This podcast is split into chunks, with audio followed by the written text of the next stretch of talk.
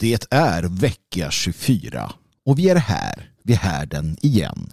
Som vanligt med mig, Magnus Söderman. Och det här är sista härden för denna säsong. Eller ja, i alla fall sista ordinarie härden för denna säsong. Så jag avslutar med ämnen av vikt, offer, passion och sammanhållning. Med mera såklart. Vraldas frid. Nu kör vi!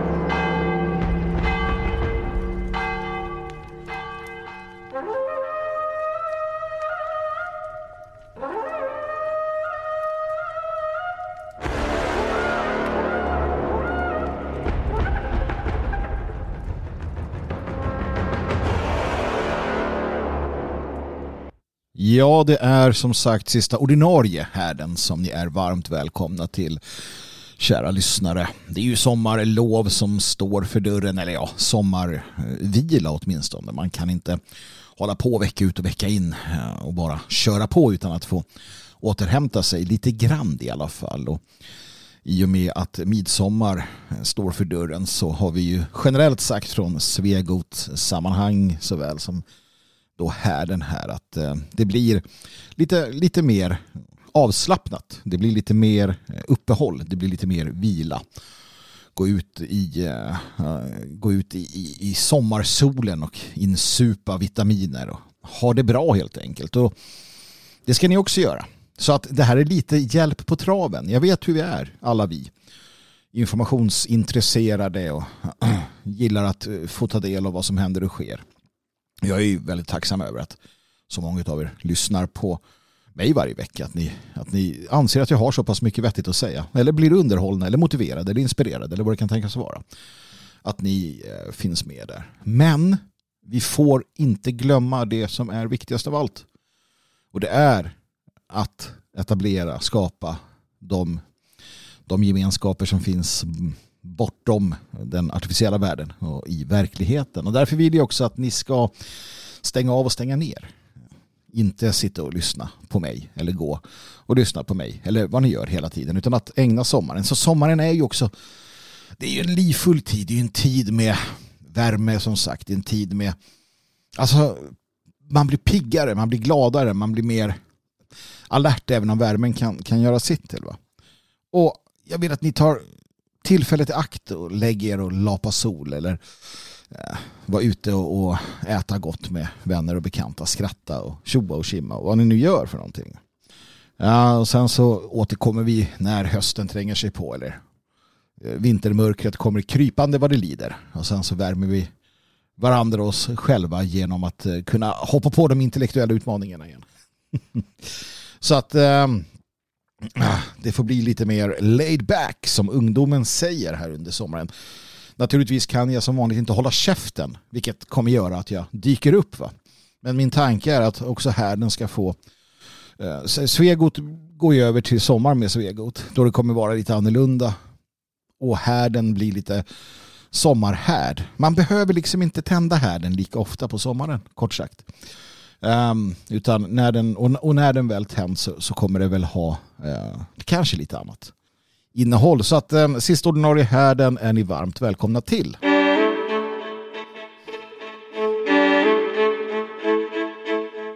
Och vad är då bättre att inleda denna härd med än att konstatera att dumheten fortsätter också med Tidöpartierna om vi nu trodde någonting annat, jag tror inte att vi kanske gjorde det. Va? Men det är värt att påpeka så här när alla går på semester. Att det är samma hjulspår som används. Va? Och det duger inte. Det duger inte. Jag läser att eh, jag läser på Samnytt hur Tidöpartierna då skriver i sin budgetproposition för 2023 att citat andelen anställda i staten med utländsk bakgrund ska öka på alla, jag upprepar, på alla nivåer. Slut citat. För det har ju gått så fantastiskt bra att göra så hittills. Fantastiskt bra har det gått. Jag vet inte om du, kära lyssnare, haft behov av att ringa staten, kanske statens transportstyrelse eller statens skattemyndighet eller andra delar av staten. Och jag ska ärligt säga att i många, många fall så går det alldeles ordentligt bra. Men jag har märkt en sak och jag är nog inte ensam om det. Jag har märkt att det blir knepigare och knepigare att få svar. Och det är inte för att kunskapen inte finns, kanske. Utan för att man omöjligt hör vad somliga säger. Kunskapen må finnas där, men det faktum att personerna i fråga inte kan kommunicera på ren svenska gör att det blir problematiskt. Mycket av problemen som dyker upp i vår välfärdsstats multikulturella nya särprägel. Det handlar ju inte om att människor är onda. Det handlar ju inte om att människorna som kommer hit kanske har ont i, ont i sinnet utan det handlar ju om så enkla saker som att du kan inte ha en nation som Sverige med människor som inte är en del av den från start. Alltså civilisationer kräver att de som upprätthåller civilisationen någonstans är en del av civilisationen. Och allt annat är önskedrömmar.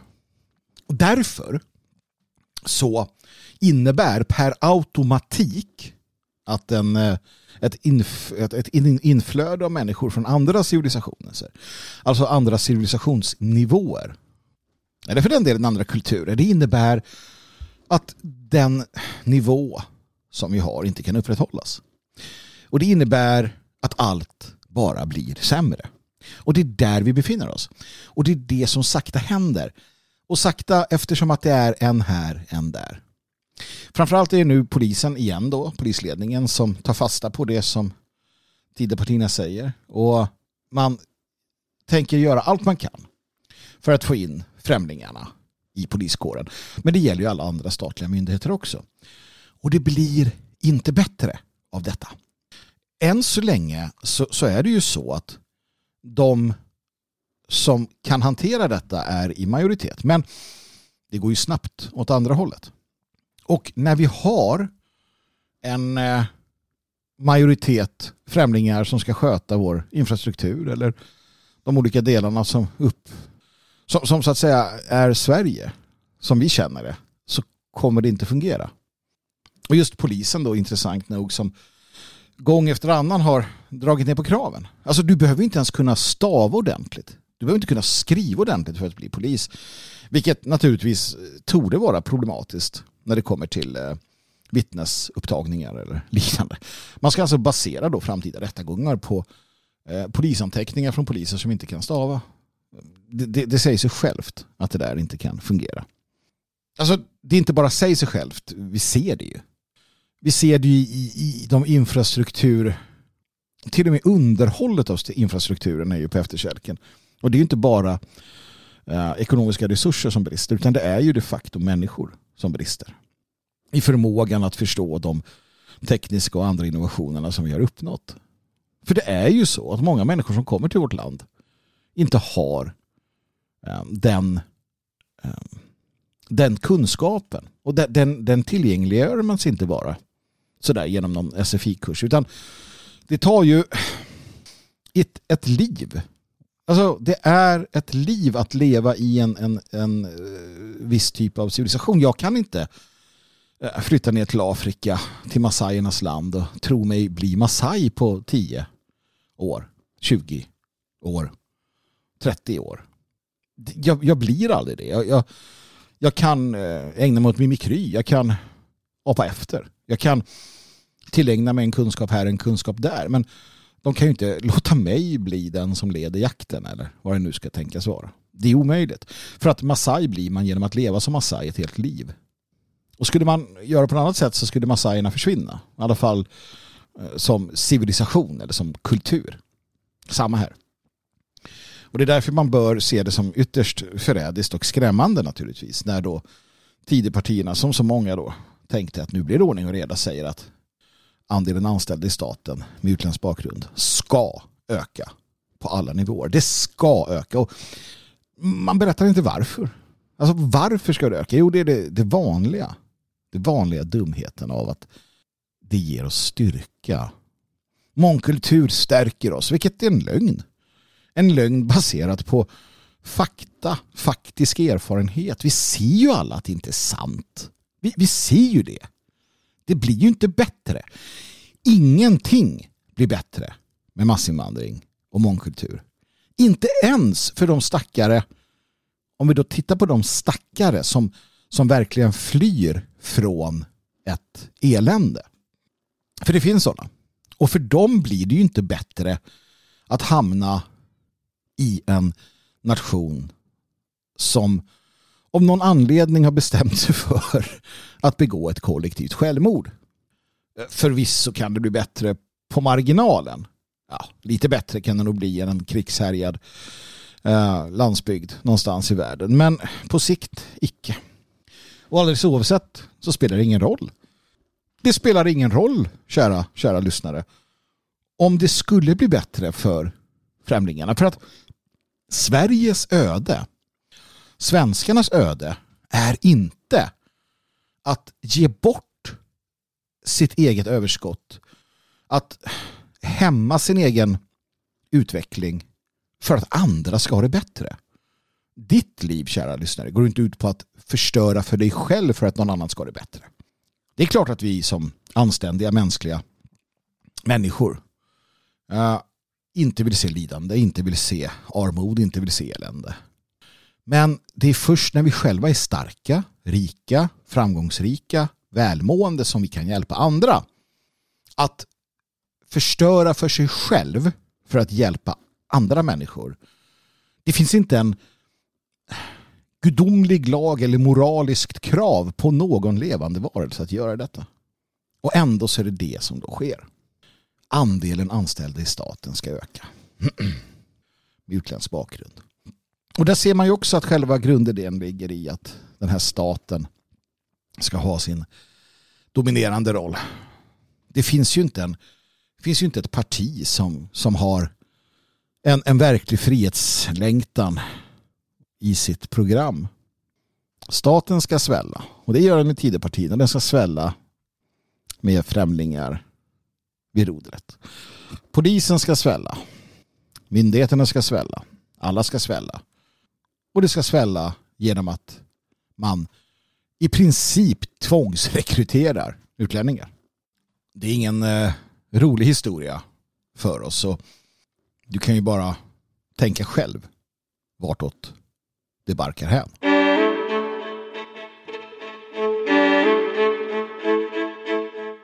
Så över till lite trevligare saker vi inser som sagt vartåt det barkar hän och det är uppenbart att vi alla måste dra vårt strå till stacken för att förändra detta på ett eller annat sätt. Och på senare tid så jag har tagit upp det här fenomenet vid något tillfälle här när jag skrivit om det och det är det här glädjande uh, nya initiativen som har dykt upp aktiva klubbar som man kallar sig den här gången. En typ av fri uh, organisering, organisering underifrån. Med människor som uh, inte, mig veteligen, eh, tillhör eller aspirerar ens på att bli någon form av folkrörelse i sig. Utan det är ett sätt för framförallt i, det här fallet unga människor, unga män, att eh, finna gemenskaper eh, där de kan strukturera och arbeta och organisera utifrån eh, sina förutsättningar där de befinner sig, agera lokalt och skapa, eh, skapa fröer kan jag säga till framtida mannaförbund och liknande där man växer upp och så blir det annat i livet som blir um, som, som blir liksom grunden för gemenskapen. När man är ung och man så har man vissa saker, sen så träffar man någon och man skaffar barn och så vidare och sen utvecklas den där gemenskapen. Så att det är mycket positivt. Det är mycket positivt. Och som jag sagt tidigare så är, um, så är föreningen som jag var med och grundade är, och sitter i styrelsen för Det fria Sverige Eh, gärna med och är hubb för den här typen av eh, organiseringar. Vill man komma till Svenskarnas hus och låna huset under en helg eller en vecka eller vad det kan tänkas vara för att ha sina, gemenskap, sina gemensamma Eh, gemensamhetsarrangemang eh, bortom kanske annat så finns det en plats där. Det är bara att höra av er såklart så löser vi det. Så det är en härlig, eh, härlig utveckling med den organiseringen. Samma sak så är jag ju glad åt NGP, Neogermanska partiet. Också ett så här intressant projekt i denna tid. Vi lever i 20-30-talet och det händer mycket, framförallt 20-talet. Det, är en, det är en åter, återkoppling till detta. Där det, där det sprudlar. Det, det händer så mycket i den nationella världen. Det, det är projekt och det är idéer och det är allt möjligt som, som sker. Och det, det gläder mig. Det gläder mig verkligen. Och en sak som gladde mig extra noga det var när jag stötte på um, de här aktivklubbarna då som hade som en idé eller som hade som ett en hashtag kopplat till sitt namn. Där det stod straight edge. Och det där, det där gjorde mig glad att det är på väg tillbaka. Idén om straight edge. Alltså den här äh, avståndstagandet från eh, droger och, och, alkohol. Att man väljer att eh, säga att nej, det där håller vi inte på med. Det där håller vi inte på med. Aktiv klubb verkar handla väldigt mycket om träning. Det verkar handla väldigt mycket om att, att, att, en gemenskap av träning, alltså det är tränande människor, liksom tränande unga människor som, som, som kommer samman. Där man eh, på olika sätt och vis ägnar sig åt eh, eh, styrketräning och, och, och slagsmålsträning och friluftsliv och liknande. Och det, det är ju fantastiskt i sig. Vettigt. Och att man också inkorporerar straight edge tycker jag är mycket positivt. För att vi lever fortfarande i en tid, eller så här är det. Alkoholen har fått ge vika i denna tid vi lever i. Det vet vi. Alkohol konsumeras allt mindre utav unga. Däremot så ökar eh, droganvändandet. Och framförallt då sådana här gröna droger som det kallas. Eh, marijuana. Det har blivit normalt. Och jag märker också, det är skrämmande, eh, när man uttalar sig skeptiskt till detta eller när man, det har jag märkt på Twitter till exempel, när jag skriver något om det här eller konstaterar att, att eh, min upplevelse är att människor som använder de här drogerna blir lite dumma i huvudet. Va? Man måste ju också naturligtvis göra skillnad på bruk och missbruk och, och, och så. Då, då, då blir det en, en hejdundrande eh, irritation från väldigt många människor som då menar att marijuana eh, min sann är det bästa som har hänt sedan skivat bröd. Och det är det ju naturligtvis inte. Alla typer av att, alltså allting som gör att man underställer sig en drog är ju dumt. Att du som människa frivilligt underställer dig den drogen, eh, alkohol eller annat, är ju korkat. Och det är ju också så att såväl alkohol som andra droger är skadliga för människan. Det säger sig självt. Alltså, man behöver inte, man behöver liksom inte försöka så här, nej men det är inte det, utan det är skadligt. Att dricka alkohol, lösningsmedel, det är skadligt. Det är inte bra. Att, att uh, röka tobak är åt helvete dumt. Att använda nikotin som drog är också dumt och skadligt. Och att röka marijuana är dumt och skadligt. Jag menar, det, det är bara så. Ja, såklart. Det måste också nyttjaren av det acceptera och inse. Sen är det upp till var och en att göra avvägningar. Att säga, nej men det är skadligt att dricka eh, alkohol men jag gör det till en sån liten, liten del. eh, att det egentligen inte spelar någon större roll. Då kan det ju vara i samma kategori som att nej men jag äter chips en gång i månaden för att ja, jag vill det. Men jag tar också konsekvenserna av det. Det är ju så vi lever. Va? Men det vi har fått se är ju att man, man liksom pundhuvudena ser det som någon form av... Man, man, använder sig av olika sätt för att ursäkta sitt eget missbruk. Man säger att nej men det här är, hälso, det här är hälsorökning. Det här är fantastiska saker och, och så vidare.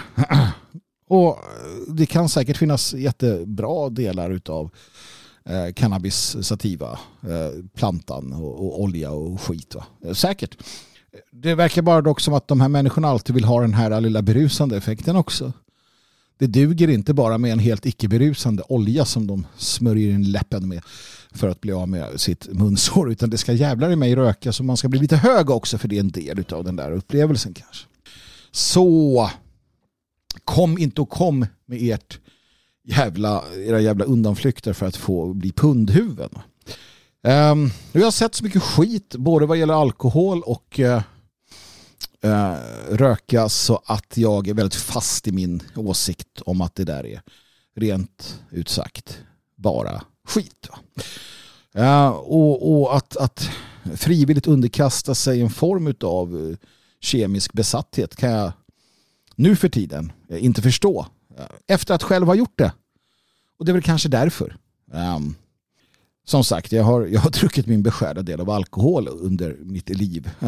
Så att um, det, det räcker och blir över. Jag hoppas att kunna påverka till exempel min son att överhuvudtaget inte uh, närma sig det. Uh, utan att göra annat med sitt liv.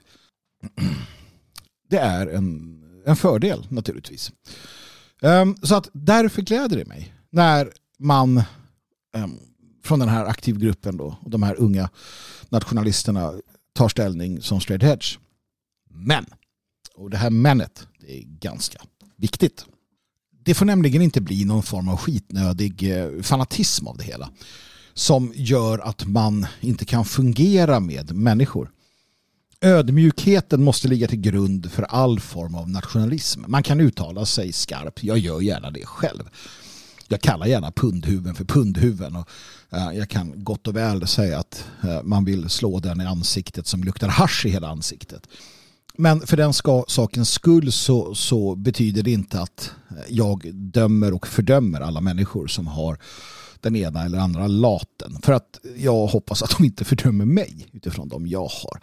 Att däremot göra personliga ställningstaganden, till exempel för straight edge, är ju fantastiskt. Och att sen också kunna acceptera att alla andra inte gör det. Och att inte hamna i någon form av översitteri i detta utan konstatera att vi i vår grupp vi väljer bort de här sakerna vi tycker är dåliga. Vi kommer säga att vi gör det och vi kommer stå för det och vi kommer uppmuntra andra att göra det. Men vi kommer inte använda det som slagträ för att försöka förhäva oss själva och därvid lag också försöka eh, liksom trycka ner andra utan folk gör de val de gör. Sen är det upp till var och en vilka man vill eller inte vill ha att göra med. Och att en aktiv klubb då säger att vi vill inte ha för mycket att göra med människor som går ut och super skallen av sig eller vad de nu gör. Det, det kan jag ju förstå. Sen personligen så vill jag överhuvudtaget inte ha att göra med människor som sitter och röker gräs eh, dagarna ända. Däremot människor som tar sig en bläcka då och då, det har jag inga problem med. Och det här är hur jag fungerar. Men är du ett haschrökande mongo så, så har jag ingen nytta av det känner jag. Och jag tror inte att det på sikt är någon mening att ha med det att göra. För att det tenderar att gå åt skogen och det verkar som att den där... Ja men som sagt, pundhuvud finns det ju en, någonting man säger. Ja. Så är det. Och känner du något, men vadå, jag kan ha ju kontroll på mitt rökande. Vad är det här för skitsnack? Ja, jag skiter väl i vad du tycker. Jag har ingen som helst äh, liksom, inga som helst varma tankar för det. Så att ingen idé ens komma med den där skiten till mig. Och säga det så kommer jag agera därefter. Men det är det. Uh, positiva. Straight edge. Jag hoppas verkligen att det här uh, tar, tar, tar liksom, slår rot. För att det är som så att uh, det är en reaktion på den slapphänthet vi har.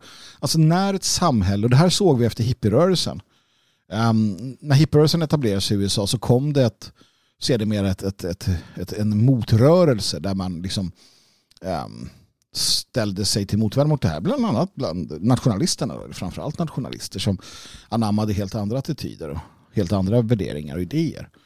Um, när samhället när samhällskonsensus går åt ett visst håll, framförallt när det är som idag, det är själlöst, det är drog Eh, det, det är liksom själlöst och neddrogat. Eh, materialistiskt eh, och ganska hopplöst för många människor. Då vaknar saker till liv som gör att man väljer sammanhang som kanske är mer asketiska. Som är rena. Den här, den här världen känner man. Den här världen är ingenting för mig. Efter att ha ägnat år åt att supa eller äta som, en, som ett svin eh, porrsurfa och så vidare så känner människor att fy fan. Man känner sig smutsig, man känner sig oren, man känner sig äcklad av sig själv. Och sen så tar man andra vägar. Och tack och lov så verkar många unga se det här och känna det här innan det har gått för långt. Innan de har gjort som många av vi gjorde. Min generation som inte kunde hantera de här nya Alltså det här överflödet, det är faktiskt det det handlar om. All, all vår övervikt och alla hjärt och kärlsjukdomar och allt elände handlar ju om att vi någonstans var den första generationen med ett enormt överflöd som vi inte har kunnat hantera. Och nu kommer nya generationer som kan hantera det på ett annat sätt, vilket är fantastiskt.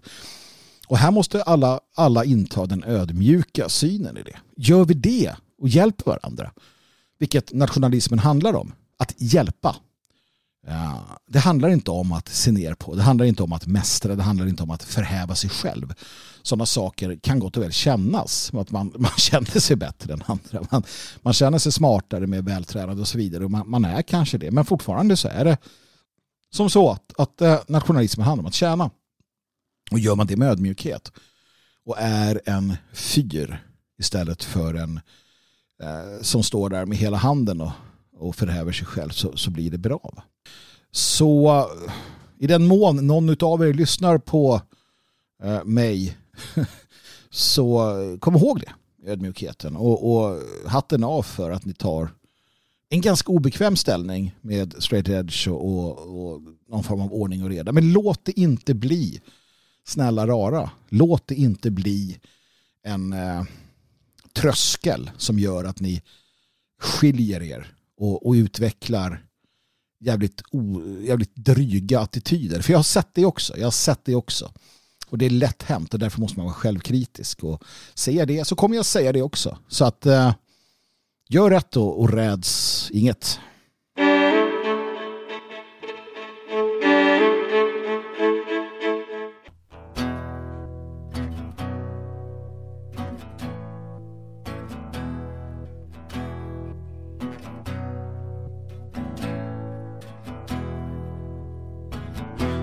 You step out from room 209, smile on your face and a teardrop in your eye.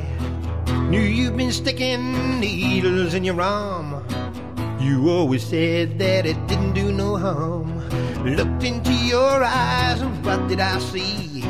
Misery and despair looking back at me. Yours once was a face full of new hope. Now you're down on your knees and you just can't go. One more day, then a long tormented night.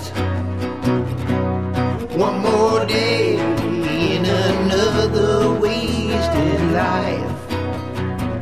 Sometimes it may seem better how you are, escaping from reality, from poverty and war. You have seen your country invaded and possessed. They treat you and your countrymen worse than all these guests. But really, there is no excuse for doing what you do. Living in a dream world, leave the fighting to the few. To waste your life like this must surely be a crime. I'll tell you at the moment, you're a dreadful waste of time. One more day, then a long tormented night. One more day another wasted life.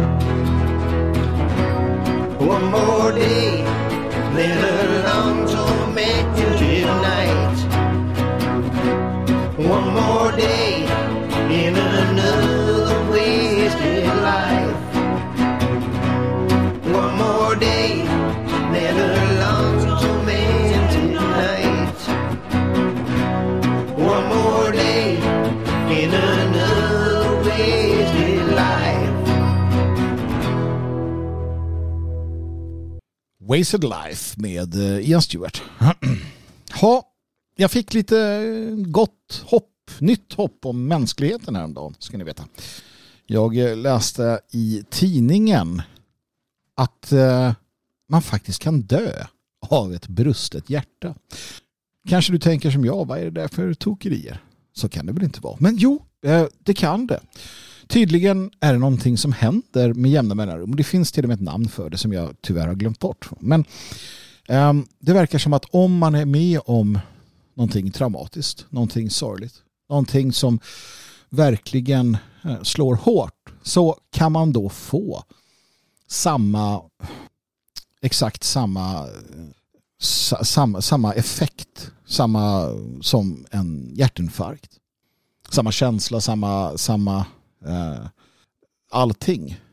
Men eh, ja, och, och inklusive då samma utgång alltså, i värsta fall då, att, man, att, man, att man avlider av ett brustet hjärta.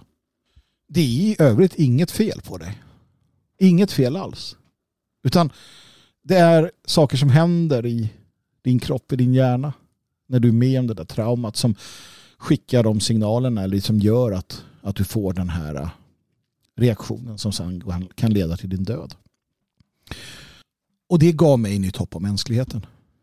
Det gav mig eh, hopp om människan, hopp om romantiken, hopp om passionen. Och, och, och, och det stärkte mig i min uppfattning om att det, det finns så mycket mer än bara detta. Det gav mig också förhoppningen om, en, eh, om ännu en bra död att önska sig. Tänker du kanske, hur kan du tänka så? Det är väl sorgligt när människor dör och det är klart att det är sorgligt. Det är klart att det är sorgligt när människor dör. Men man kan dö på bra sätt och man kan dö på dåliga sätt.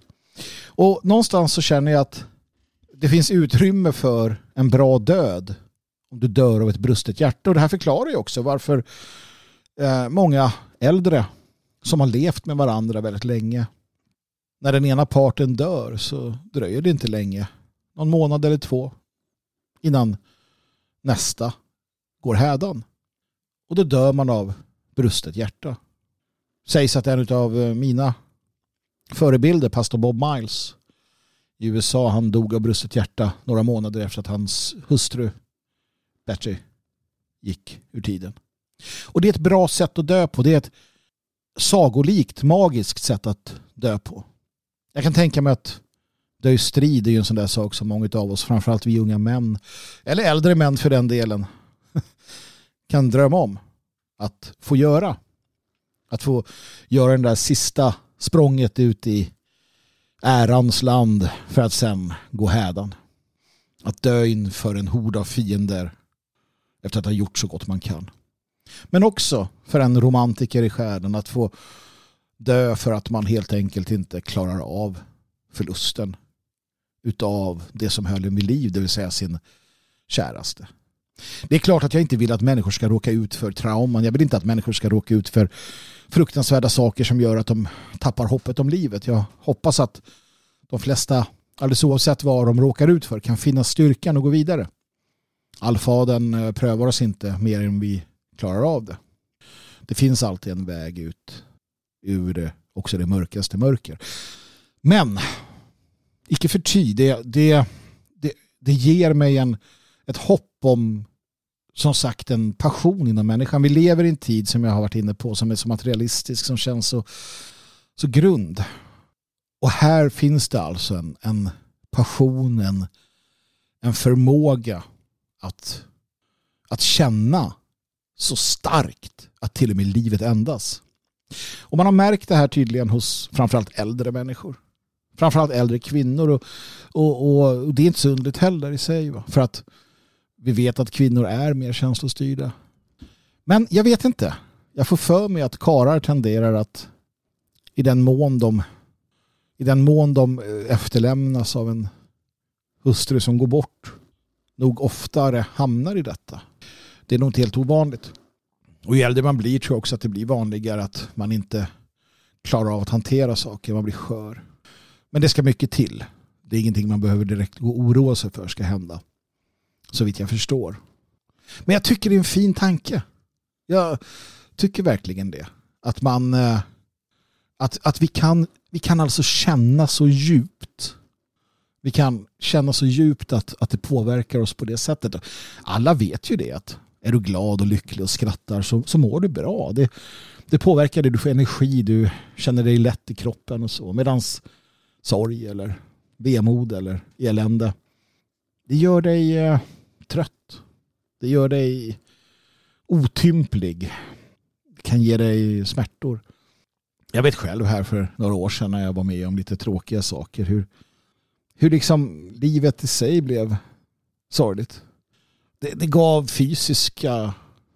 Det var inte ett brustet hjärta som gjorde att jag ville dö. Men det var jobbigt och, och det gav fysisk... Det reflekteras i det fysiska.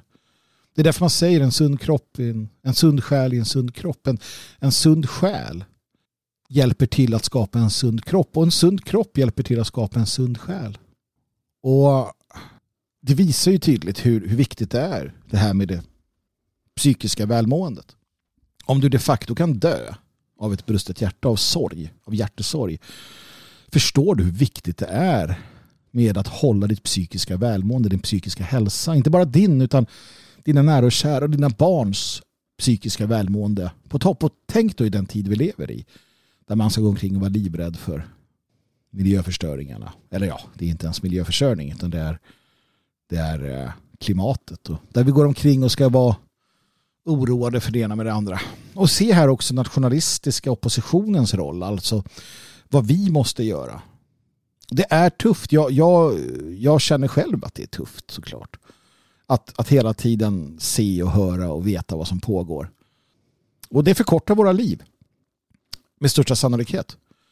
Eh, att vara medveten om det som händer i, i världen. Att se de här dystra tecknen. Det, det gör att vi säkert förkortar våra liv. Om vi inte kan finna de här tillfällena där vi kan skratta och le och dansa och älska och vad vi nu ska göra. Och det är det som är så viktigt. Det är det som är så viktigt för oss att, att göra det och våga göra det och ta de tillfällena i akt. Och sluta med destruktiva beteenden.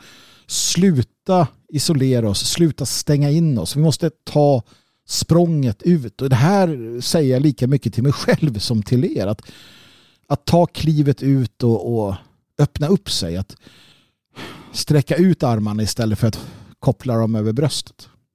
För det är på riktigt, det är på riktigt farligt att, att ha för mycket negativitet i sitt liv.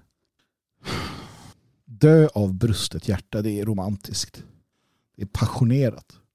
Och eh, det är väl någonting som man får, som sagt, förhoppningsvis se fram emot. Men tänk så också. Jag säger någonting att se fram emot. Men tänk att du har en människa i ditt liv. Jag menar, det är ändå få förunnat. Kanske. Jag får för mig det. Att ha en människa i ditt liv som betyder så mycket för dig. Att du till sist inte vill leva utan honom eller henne. Att det spelar ingen roll. Och det tror jag att de flesta av oss har när det gäller våra barn. Under en eh, period. Att, att man vill liksom inte, vad är livet värt utan? Sen händer saker, hemska saker händer och vi hittar sätt att ta oss vidare. Men till sist efter många, många långa år så tror jag att man man kanske har varit med om så pass mycket att blir det, blir det för mycket då, då ger man upp till sist. Man orkar inte, det spelar ingen roll längre. Och jag tänker att eh, när man har blivit riktigt gammal för människan inte i detta skeende gjort att alltså här och nu så är vi inte gjorda för att leva för evigt. Det, det måste vi förstå. Hur mycket än vetenskapen och techmiljardärer eh, vill så kan de kanske förlänga livet med 10, 20, 30 år. Jag läste någonstans att min ba, mina barns generation kommer bli en 120-130 år tror man. Somliga ser att gränsen kan flyttas till 150 år. Och det, det, är möjligt. Men det kommer ta slut där någonstans. För till sist vill man inte mer. Och det är inte menat i denna fysiska värld. Tror jag i alla fall. Och då blir döden en naturlig del av livet. Och den naturliga döden är ju den som jag tror ändå till sist är att föredra. Även om död i strid är en romantisk eh, och, och vacker död på många sätt och vis så är ju trots allt den naturliga döden den som um, den som, som så att säga ger den mest harmoniska övergången. Jag vet inte, jag, jag, jag kanske är morbid. Ni kanske tycker att jag är knepig som, som, som, som, som ändå blev någonstans tillfreds. Nu gäller det bara att hitta det där. hitta det där som gör att man, att man får dö eh, av brustet hjärta. För att om man, om man dör av brustet hjärta så tror jag att det betyder att man har haft ett väldigt gott liv tillsammans med någon. Och det, det vill väl alla.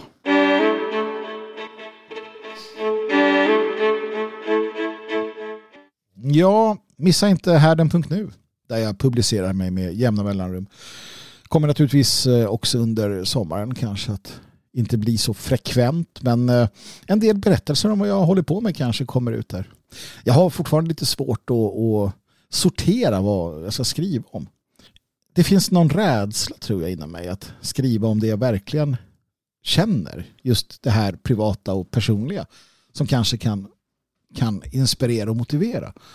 Och jag fastnar ofta själv i de här hjulspåren där man känner sig trygg.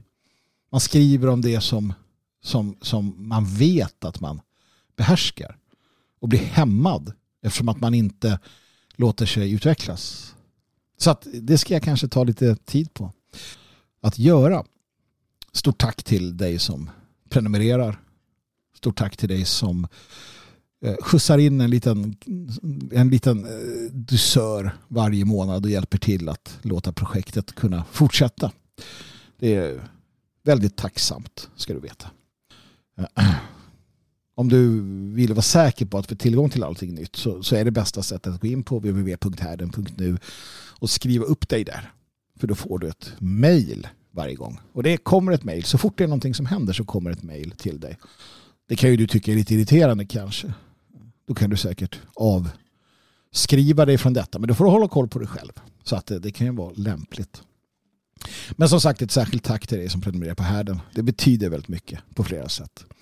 Och speciellt tack då till eldvakterna. Ni som ger mer än som krävs.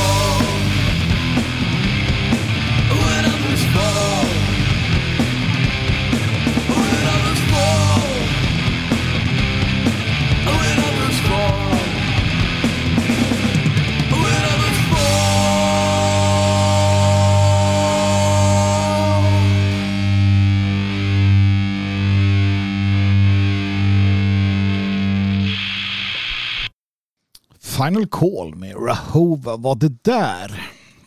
Jag brukar ju prata om att det här man gör, det här vi gör, att vi på något sätt är av ödet kallade att göra det. Jag, jag tror det till stor del fortfarande. Men jag har också funderat en del på senare tid att delvis så är det ett inlärt, kan man säga det? Ett inlärt beteende eller en, en, en, en intellektuell, en kognitiv förståelse. Jag tänkte på det, jag har precis läst in det sista kapitlet eh, utav boken Den politiska soldaten av Derek Holland. Finns på Sveating. Sveating.se att lyssna på.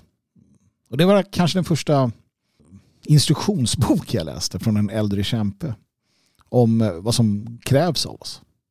Och det har nog på något sätt, eller utan tvekan så var det så att, att läsa den boken vid, vid 13 bast formade um, mitt tänkande och gav mig en, en förståelse för vad som krävs eller kommer att krävas. Så sen har jag under livet fortsatt att, fortsatt att, att, att fundera kring de sakerna och hittat och, och, och, fått inspiration av goda, goda kämpar. Och när jag började ta den här striden som eh, vi som folk utkämpar på allvar, då hände någonting eh, inom mig. Alltså, någonstans så, så, kände jag att jag hittade rätt. Eh. Och jag förstod att jag förstod att, att, att det här var rätt väg att vandra för mig. Och omfattningen och allvaret av det jag gav mig in i gjorde att mina prioriteringar förändrades. De förändrades totalt. Och jag blev, eh, jag blev fanatiker. Jag blev fanatiker och jag, vill säga några ord om fanatism och det har jag lånat av den walesiska nationalisten, revolutionären John Jenkins. John Jenkins och jag har anpassat det lite grann till, till vår tid. Eh, jag har det här att säga om fanatism. För det första, om det är sant att en fanatiker har tio mäns styrka så är det nödvändigt. Därför att de andra nio inte ids besvära sig. För det andra, det är inte alltid sant att en fanatiker inte räknar med vad det kostar att handla. Jag blev fanatiker på grund av att jag inte var benägen att acceptera resultatet av att inte handla. Och slutligen, om vårt folk ska överleva och vår kultur och vårt arv blomstra så kan det endast ske genom vildsint och osviklig hängivenhet till folket framför allt annat. Och allt annat inkluderar familj, personliga utsikter, karriär, hälsa, frihet och livet självt. Jag tror jag vet, jag vet faktiskt att folket kan inspireras av detta slags fanatism och att denna fanatism är den väsentliga katalysator som behövs för att vi ska komma någon vart. Och det är så jag har levt. Och det är så jag kommer att fortsätta leva. Och det kostar på. Det kostar på att leva så. Och jag själv har inte ens kommit i närheten av de offer som andra män och kvinnor gjort för att vara lojala. För att vara den här inspirationen. Men det har kostat på. Men jag är ju också som jag är. Så frågan är om det hade funnits några andra alternativ. Och det är det här jag ibland velar kring. Hur mycket var inlärt? Hur mycket har varit av egen kraft? Och hur mycket har varit ödesbestämt? Varför är somliga villiga att offra och andra inte lika mycket? Och kan man lära sig att offra? Ja, men det kan man väl. Men det, det finns någonting i djupet av oss också som säger vilka vi är. Och vi måste lära oss att förstå vilka vi är. Och utgå ifrån det när vi, när vi hittar vår plats. Jag hittade en, en eh, väldigt kort, kort tankeväckande liten berättelse som jag läste och som någonstans slog ner som en bomb i alla fall hos mig själv där jag, där jag förstod vem jag är, vad jag är. Jag läste det här. Ett barn på en festival såg en krigare som stod i hörnet med sitt svärd och uppmärksamt betraktade de omgivande väggarna. Hon la märke till att han inte deltog i firandet som de andra och frågade mannen som var täckt av ärr. Herre, varför går du inte med de andra? Festivalen är väl till för dig också. Mannen sänkte blicken mot barnet och svarade Festen är för dem som tror att muren håller dem säkra. Och där är jag. Någonstans. Och jag är inte det med bitterhet. Det kan finnas ett visst mått av eh, sorg. Jag eh, har fått höra att eh, jag inte passar in i människors liv på grund av att jag är den jag är. Det har sagts uttryckligen till mig att ja, du skulle ju inte kunna jag skulle ju inte kunna ta med dig till det här eller det här eller det här. Den här gemenskapen. Du skulle ju aldrig kunna träffa de här som är mina vänner för att du är som du är. Sånt jag har fått höra.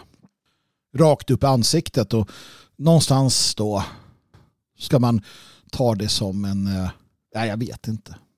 Jag har fått höra att eh, man liksom inte, ja det man gör är väldigt viktigt och bra men ja, det passar ju inte in i mitt liv. Så att ja, det är som det är. Va? Och det finns en, en eh, det finns en, jag ska inte säga bitterhet för jag är inte bitter över det men det, det, man, blir, man kan bli lite ledsen av att höra det. Men det är också sant eh, såklart och jag, jag, jag förstår ju det att eh, de livsval man har gjort är begränsande på sätt och vis. Begränsande för de som fortfarande vill ha ena foten kvar i det normala. Eller det är inte det normala. Jag ber om ursäkt. De som vill ha kvar foten i den pissliberala världen. De som fortfarande vill leva delvis i eh, den eh, destruktiva materialistiska världen. Det är klart att, att det är ett problem med undertecknad och andra som mig. Vill man knyta näven i fickan men sen försöka passa in i den liberaldemokratiska världsordningen, ja, då blir det ju problematiskt. Men också i den sfären så, så kan man ibland känna att man är, och det här delar jag med, med somliga, att man, man någonstans alltid är eh, fokuserad eller man alltid eh, man, man tillåter sig inte att slappna av. Det var det jag kände med den här eh, krigaren där festen är för dem som tror att muren håller dem säkra. Jag, jag, har, jag har svårt att, att inte låta hjärnan gå på högvarv kring den sak vi håller på med. Jag är väldigt fokuserad på det. Och det kostar på. Och det är en del som jag måste lära mig hantera. Och det här är väl lite det det här är väl lite därför jag tar upp det. Va? För att jag vill dela med mig av det. För att du kanske är likadan. Du kanske är som jag. Att du hela tiden känner den där äh, svårigheten i att kunna slappna av, släppa taget och bara för en stund eh, låta hjärnan göra någonting annat. Låta någon annan stå och hålla vakt. I alla fall ett tag. För att om du inte gör det, vilket jag inte gjorde under en lång, lång period, så kommer du till sist klappa ihop, vilket jag gjorde. Du kommer kollapsa. Du kommer vara överväldigad av negativitet, du kommer vara överväldigad av den börda du bär. Och du kommer inte hålla. Och det kan bli farligt. Och det har jag all erfarenhet av. Och därför vill jag vara tydlig med att det kostar på. Det, är, det gör det. Det är värt de offer vi gör. Och, och jag håller med John Jenkins. Att det handlar om att vara beredd att offra och han säger allt annat. Familj, personlig utsikt, karriär, hälsa, frihet och livet själv. Det ska inte behövas. Såklart. Men om du tänker dig en soldat som går i strid så offrar han, eller hon för den delen, allt annat. Man är beredd att offra sin familj genom att man sätter sig i, man går i farlighetens riktning du kanske blir skjuten och dör på slagfältet och har du offrat din familj. Och det här är ingenting som, som man ska göra lättvindigt men vi måste förstå att vår opposition, vår nationella strävan de facto kräver offer. Men vi måste också hitta balansen såklart. Och vi måste vara beredda och, och lite beroende på hur, hur mycket eller hur, hur omfattande ens engagemang blir desto mer eller mindre får du offra. Jag har gjort mina vägval och de är ganska tydliga. Jag tillhör en utav eh, en utav hyfsat få som liksom har någonstans gått hela vägen. Passerat den där eh, point of no return sedan länge och, och det är som det är. Och jag, jag, jag, jag är som sagt, jag ångrar liksom ingenting. Det är inte det. Um, men jag vill att du som kanske just har trätt in i, i den här saken, att du är eftertänksam. Att du, att du redan på förhand funderar kring de här sakerna. Själv har jag egentligen bara rusat åstad. Jag har inte kunnat göra annat känner jag än det jag gjorde. Jag har, jag har förstått vidden av det vi gör. Förstått vidden av det hot som vi står inför. Och bara varit tvungen att, att göra det som måste göras. Och under en period av mitt liv då var jag arg och, och besviken och vad som helst på, på de som, som inte gjorde som jag. De som inte gick hela vägen, de som inte offrade. Jag var arg på alla som dansade istället för att titta på salens väggar. Jag var upprörd, besviken på de som satt vid långborden och skålade istället för att stå på muren och vakta det omgivande landskapet. Jag var bitter. Men med åren så förstod jag att det är som det är. Att det inte är så mycket man kan göra åt det. Det är inte så mycket man ska göra åt det. För att man är som man är. Och jag är ju välsignad. Jag är ju välsignad i det att jag har förstått och fått möjligheten att göra det jag gör. Och det viktiga här är att var och en av oss har respekt för varandras offer. Att vi identifierar, ser och är ödmjuka inför det. Att vi är tacksamma. Och jag vill att du ska veta det, kära lyssnare, att jag är tacksam för det du gör. Jag är tacksam för de offer du erbjuder för vår sak. Och jag ber dig att fundera vad du mer kan göra. Och jag hoppas att du är tacksam över de offer jag gör. För det får konsekvenser, allting vi gör. Och jag vill att vi försöker hjälpa varandra. Försöker att sätta oss lite grann över oss själva. Och se på varandra som bröder och systrar. Och fundera, hur kan jag hjälpa min broder och min syster som offrar? Vad kan jag göra för honom? Vad kan jag göra för henne? Att se sig själv som tjänare. Det, det, är grunden i det vi gör i vår nationella strävan att se sig själv som tjänare. Jag har varit inne på det här tidigare och jag väljer att återkomma dit igen. Om du i din relation ser dig själv som tjänare, det vill säga att du gentemot din bättre hälft att du gentemot din hustru eller make eller flickvän eller pojkvän alltid tänker hur kan jag tjäna honom eller henne? Och han eller hon tänker likadant om dig. Om det är grunden i den relationen, ja då inser du väl själv hur bra det blir. Och samma sak gentemot ens barn. Där man hela tiden tänker hur kan jag tjäna mitt barn på bästa sätt? Och försöka förmå ens barn att fundera och känna hur kan jag tjäna min mor och far på bästa sätt. Om vi låter tjänandet vara grunden i relationen, också gentemot våra vänner. Hur kan jag tjäna min vän bäst? Och han eller hon tänker detsamma om mig. Eller i vår gemenskap i det fria Sverige eller på andra ställen. Hur kan jag tjäna min förening bäst? Och vi som sitter i styrelsen funderar över hur vi kan tjäna våra medlemmar bäst. Och gentemot vårt folk, hur kan jag tjäna mitt folk bäst? Och folket naturligtvis kollektivt tänker, hur kan jag tjäna individerna och folket bäst? Då, då är vi framme. Det här är en gudomlig sanning. Den idealistiska livssynens första och främsta insikt. Hur tjänar vi varandra bäst? Den här världen vill och har lyckats i stor del få oss att se det från ett annat håll.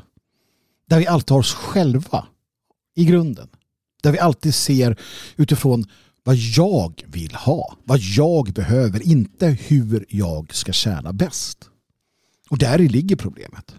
Där ligger problemet för, för allt. Det är därför vi är där vi är. För att vi slutade fundera på vad jag kan erbjuda. Och hamnade i vad ska jag ha? Och jag har pratat om det här att man blir ett offer när man själv är en tjänare i en värld av människor som vill ha. Samma i en relation. Om du går in i relationen som en som vill tjäna och den andra delen i relationen inte gör det, ja då går det illa. Så här gäller det att ha förmågan att, att begränsa sig, att se detta. Men den idealistiska idén måste vara att vara en tjänare. Att göra sin plikt. Att, att, att ha det som, som grund. Och vi är alla bättre och sämre på det, såklart. I olika sammanhang. Men jag tror att det är värt att återkomma till det. För då är vi också ödmjuka inför offret. Inför offret. För att det är först när vi offrar något som något får en mening. Egentligen är det så att allt du får gratis är, jag ska inte säga meningslöst, men om du inte har behövt anstränga dig så värderar du inte det du fick lika högt. Så enkelt är det ju. Och därför är det värt att anstränga sig. Det är värt att jobba på och kämpa på. Offret är alltså inte meningslöst någonsin. Och vissa kommer behöva offra mer än andra. Vissa vill offra mer än andra. Vissa kommer det slumpa sig så att de tvingas offra mer än andra. Men återigen ödmjukheten och respekten. Att se sig själv som tjänare i vår opposition. Det är det som är grunden. Och att hjälpa varandra. Att hjälpa. Att eh, bära, att lyfta, att vara positiv. Inte att eh, mästra. Inte att eh, vara negativ. Utan positiv. Det, det måste också vara en grund för oss hela tiden. Delad börda. Vi delar varandras bördor, vi delar varandras bekymmer som folk. Alla kan ju inte göra allt va? Men alla kan göra något. Och det är det som måste vara själva huvudsaken. För då blir också offren mycket, mycket, mycket lättare att bära för oss. Då blir det mer eh, eh, det blir enklare för människor att ta sitt ansvar om de känner att de, eh, att de inte är ensamma i det. Och ärligt talat, du måste bjuda på dig själv. Du måste se till att vara en byggsten i den här eh, gemenskapen vi har. Se dig inte som en konsument. Se dig inte som någon som ska ha utan se dig som en som ska vara delaktig. Se dig som en som ger. Inte en som tar. För den som ger, ja vet du vad? Han eller hon får också tillbaka.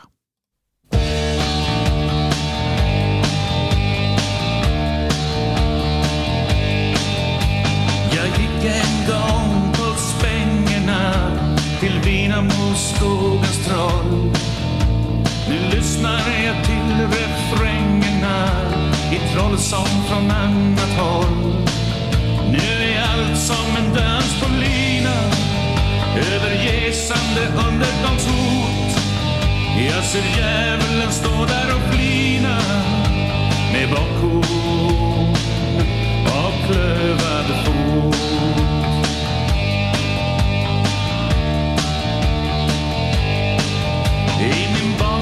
Var trollen och jättarna bara skuggor ur sagornas värld.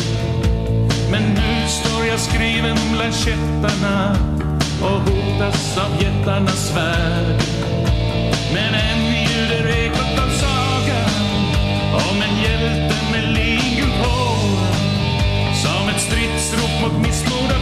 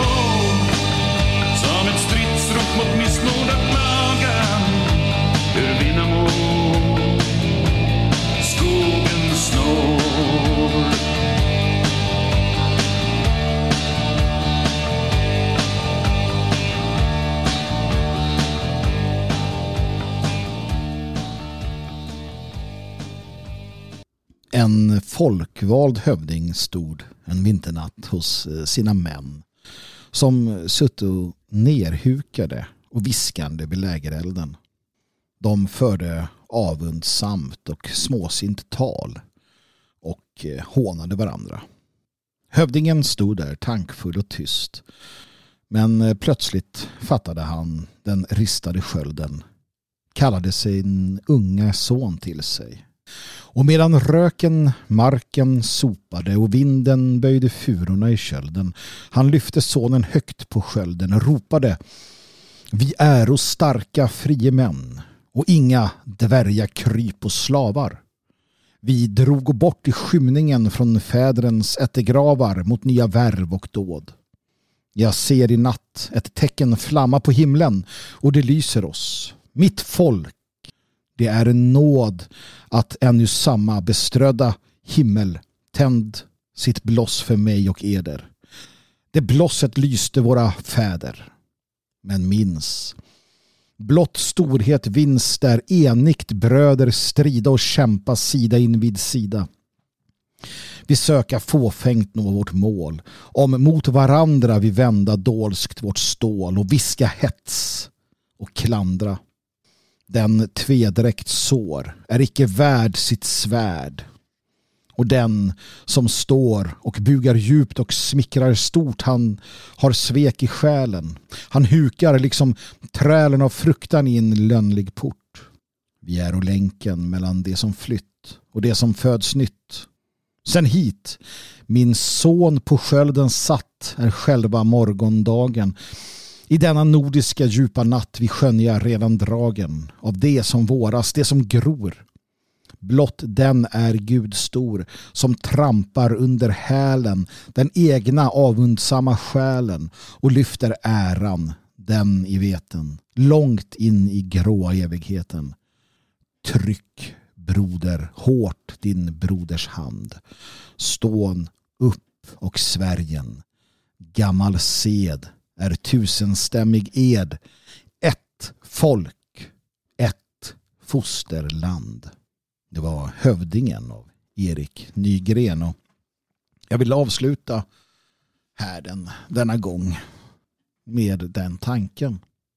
Tanken att förstå att vi tillhör en enighet. Att vi som strävar efter den nationella renässansen, den, de vita folkens väl, är en enhet tillsammans. Och vi kanske inte står ut med alla andra delar av denna, eller vissa. Då får man eh, lägga det åt sidan och själv välja bort att ha med det att göra. Men vi måste alltid försöka ha någon form av endräkt utåt.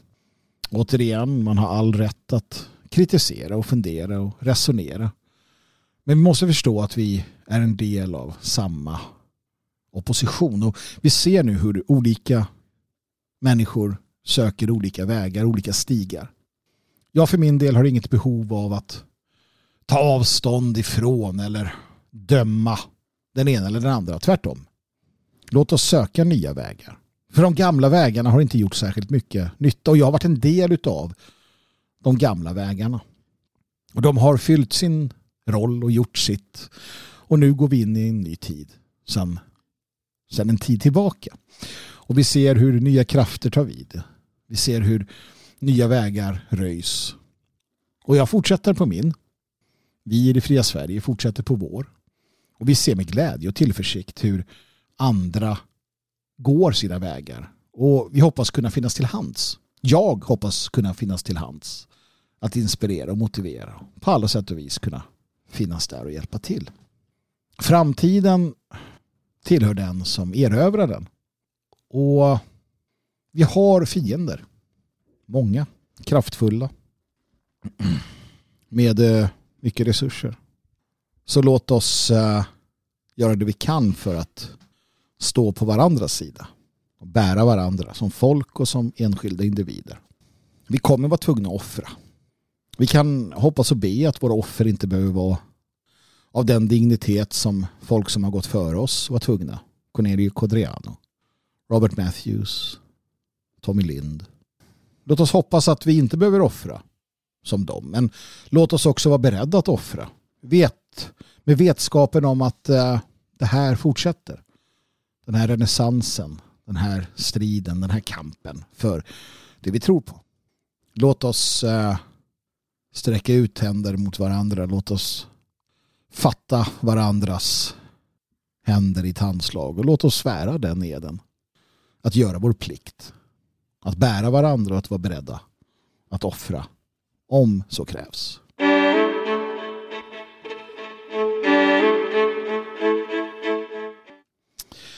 Det var härden för denna gång. Nu är det dags att gå vidare. Följ mig på Twitter om du känner för det. Jag heter Svegot Magnus där. Svegot.se naturligtvis. En eh, plats att besöka på nätet. Detfriasverige.se. Hoppas att du är en del av vår förening. Om inte, bli det. Jag tror att det kan passa sig för dig. Logik.se Naturligtvis bara bra böcker. www.härden.nu där jag själv publicerar mig. Och känner du att du vill ge en liten gåva till eh, härden så gör det på 0762 475672 alltså 0762 475672. Jag har varit usel på att tacka er personligen när ni har gjort detta och jag kommer att bli bättre på det såklart. Hedras den som hedras bör när vi är tillbaka efter sommaren och tänder härden. Men som sagt, skriv upp det på härden.nu på ja, nyhetsbrevet där eller vad det heter, mejlutskicket så att du ser för att det kommer komma en del också under sommaren eftersom jag inte kan hålla käften. Var en varulv, slåss med troll och befria prinsessor. Det är att leva det. Ge aldrig upp.